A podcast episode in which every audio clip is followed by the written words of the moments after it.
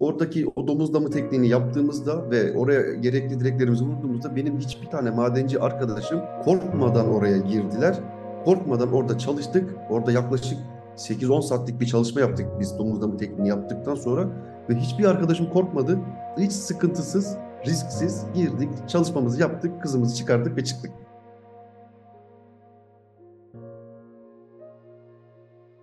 Durun yavaş yavaş amcam. Çocuğum Allah'ım Allah'ım Allah'ım. Asya Şu kaldı. o kaldı seni buradan an kurtaracağım. Sen birazcık dinlen ama uyuma tamam mı? Abi nasıl bildin? Camdan girdik camdan girdik. Sen bir mucizesin.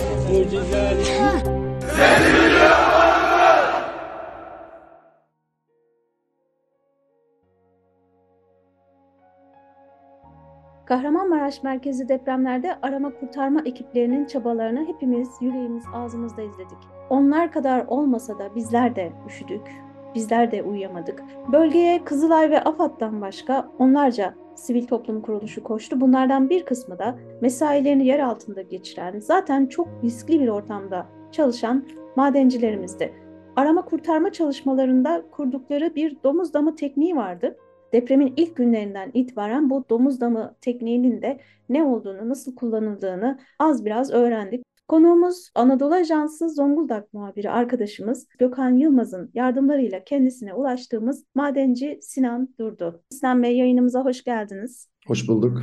Önce sizi tanıyalım mı Sinan Bey? Uzun yıllardan beri madencisiniz ama kimdir? Sinan Durdu kimdir? İsmim Sinan Durdu. Zonguldaklıyım. Burada doğdum, büyüdüm. 17 yıllık maden işçisiyim. Severek, isteyerek yaptığımız bir mesleği yapıyorum. Gerçekten her gün heyecanımıza heyecan katıyoruz madene inerken.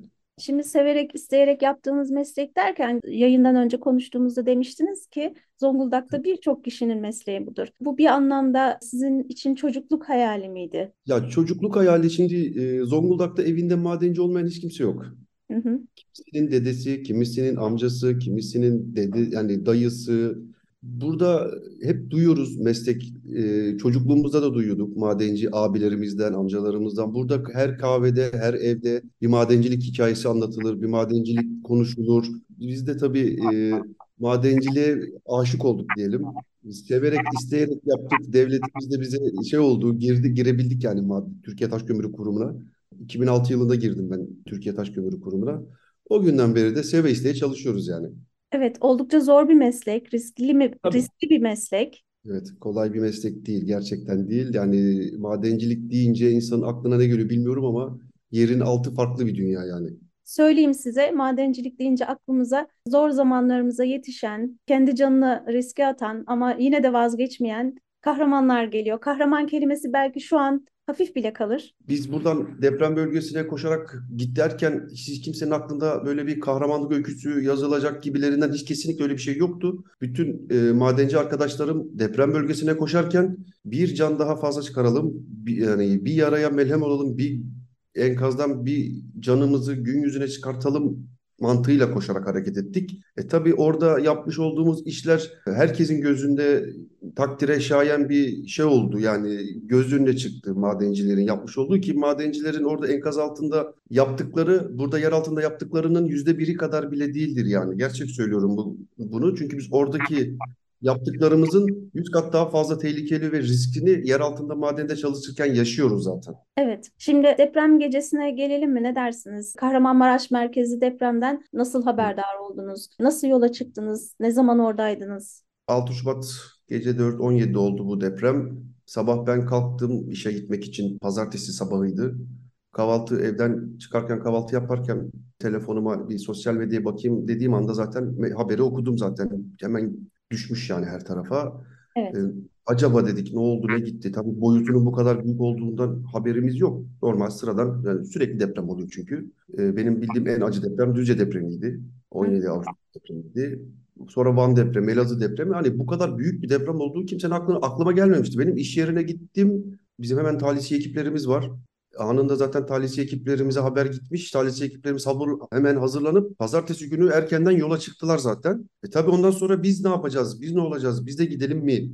Derken işte bizim üstümüz müdürlerimiz bekleyin bizden haber bekleyin. siz de gidebilirsiniz diye talimat verince biz tüm madenci ekip arkadaşlarımıza e, aralarımızdaki WhatsApp gruplarından herkes iş yerine hazırlıklı olarak gelsin diye haber verdik. Bütün ekip arkadaşlarımız hazırlıklı bir şekilde geldiler iş yerlerine. Hazırlıklıdan kastınız e, yanınıza yedek kıyafet, eşya. Aynen. Yedek kıyafet, bir battaniye, işte o tür şeyler yani. Hazırlıktan kastımız o yani.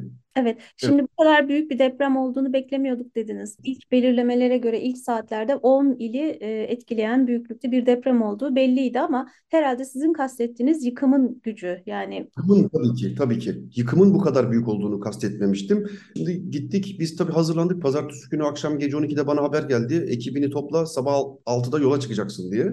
Ben hemen ekibimi hazırladım. Buradan e, uçaklar falan hazırlandı. Ben Adıyaman'a görevlendirildim. Adıyaman'a geçtiğimizde yani hala da böyle depremin büyüklüğünden haberimiz yoktu. 10 ili kapsayan bir deprem ama bu kadar yıkımın olabileceği kimsenin aklına gelmiyordu. Benim ekip arkadaşlarım da dahil. Biz Adıyaman'a indiğimizde şok olduk. Gerçekten şok olduk. Yani bir il tamamen gitmiş. Ki diğer Hatay'ı, Kahramanmaraş'ı falan, Malatya'yı şunu onu görmedik bile.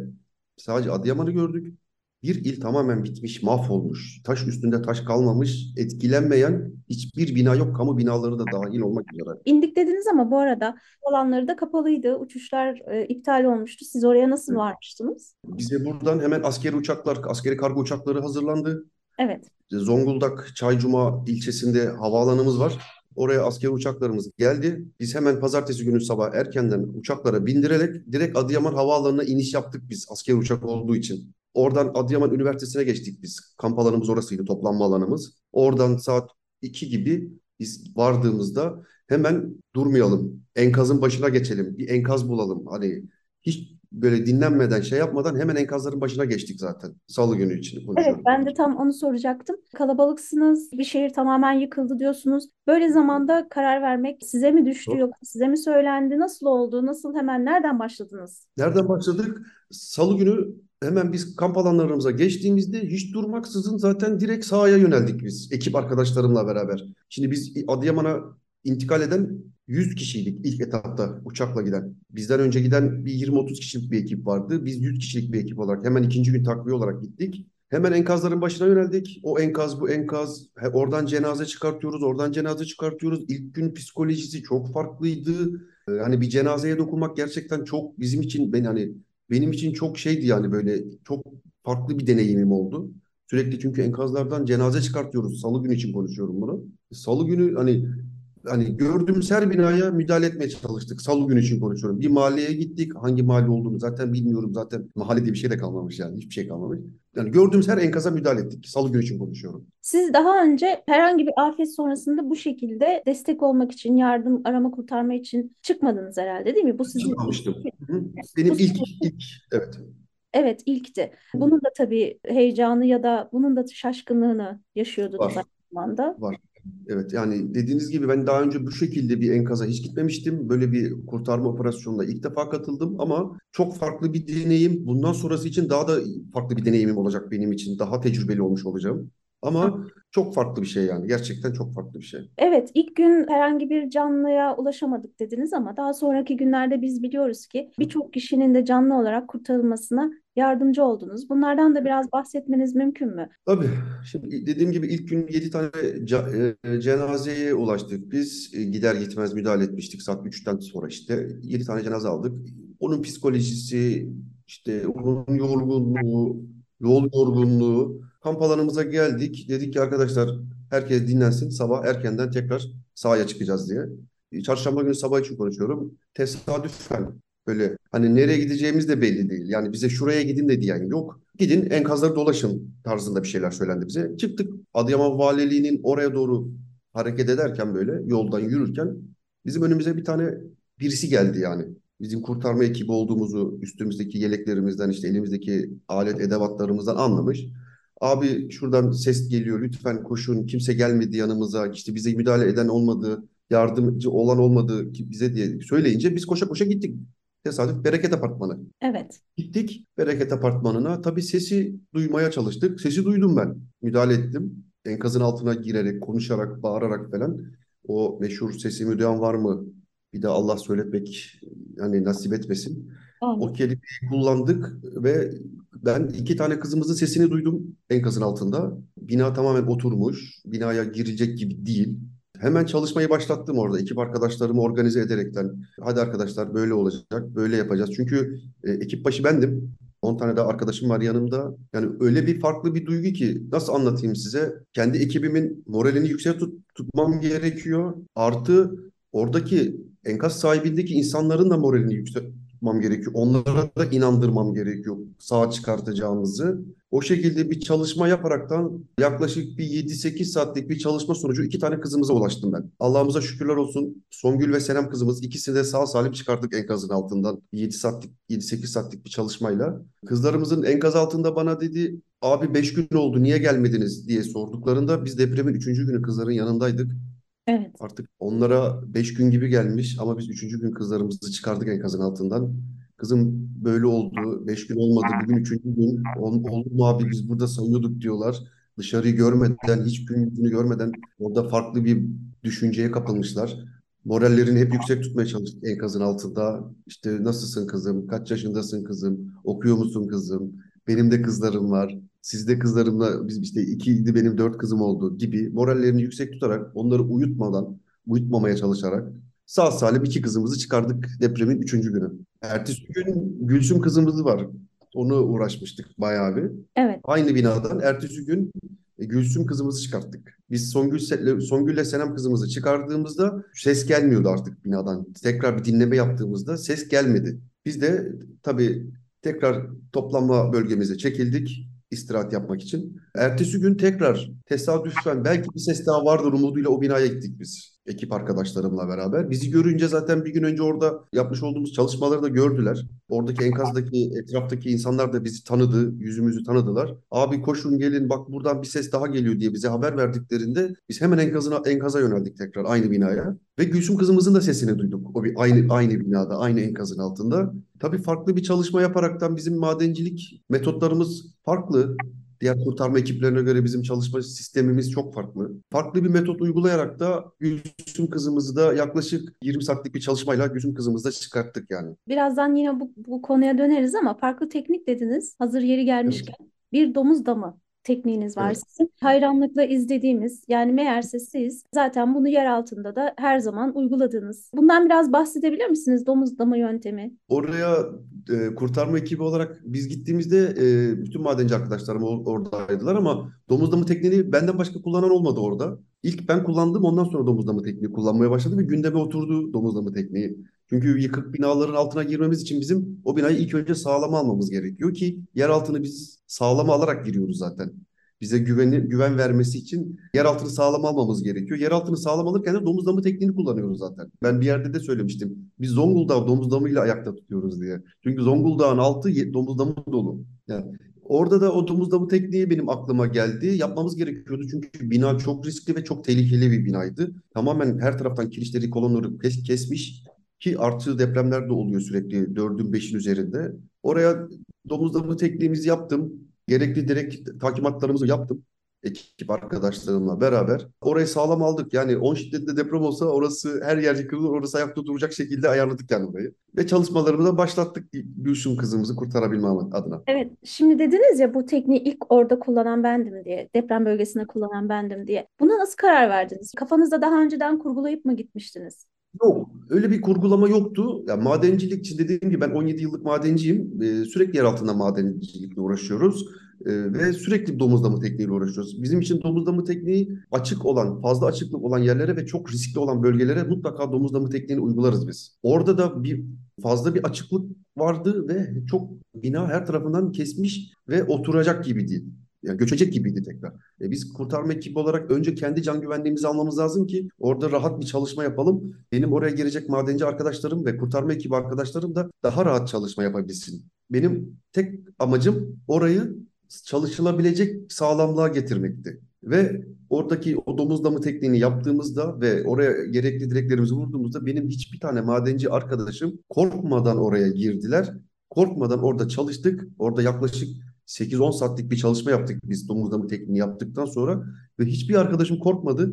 Hiç sıkıntısız, risksiz girdik, çalışmamızı yaptık, kızımızı çıkardık ve çıktık. Evet, kızınızı çıkarttınız. Sonrasında da diyaloğunuz kopmadı. Evet, şimdi e, üç tane kızımızla biz kurtarmak, sağ çıkarmak bize nasip oldu. Songül, Senem ve Gülsüm. Benim onlar da üç, üçü de benim kızım oldular artık.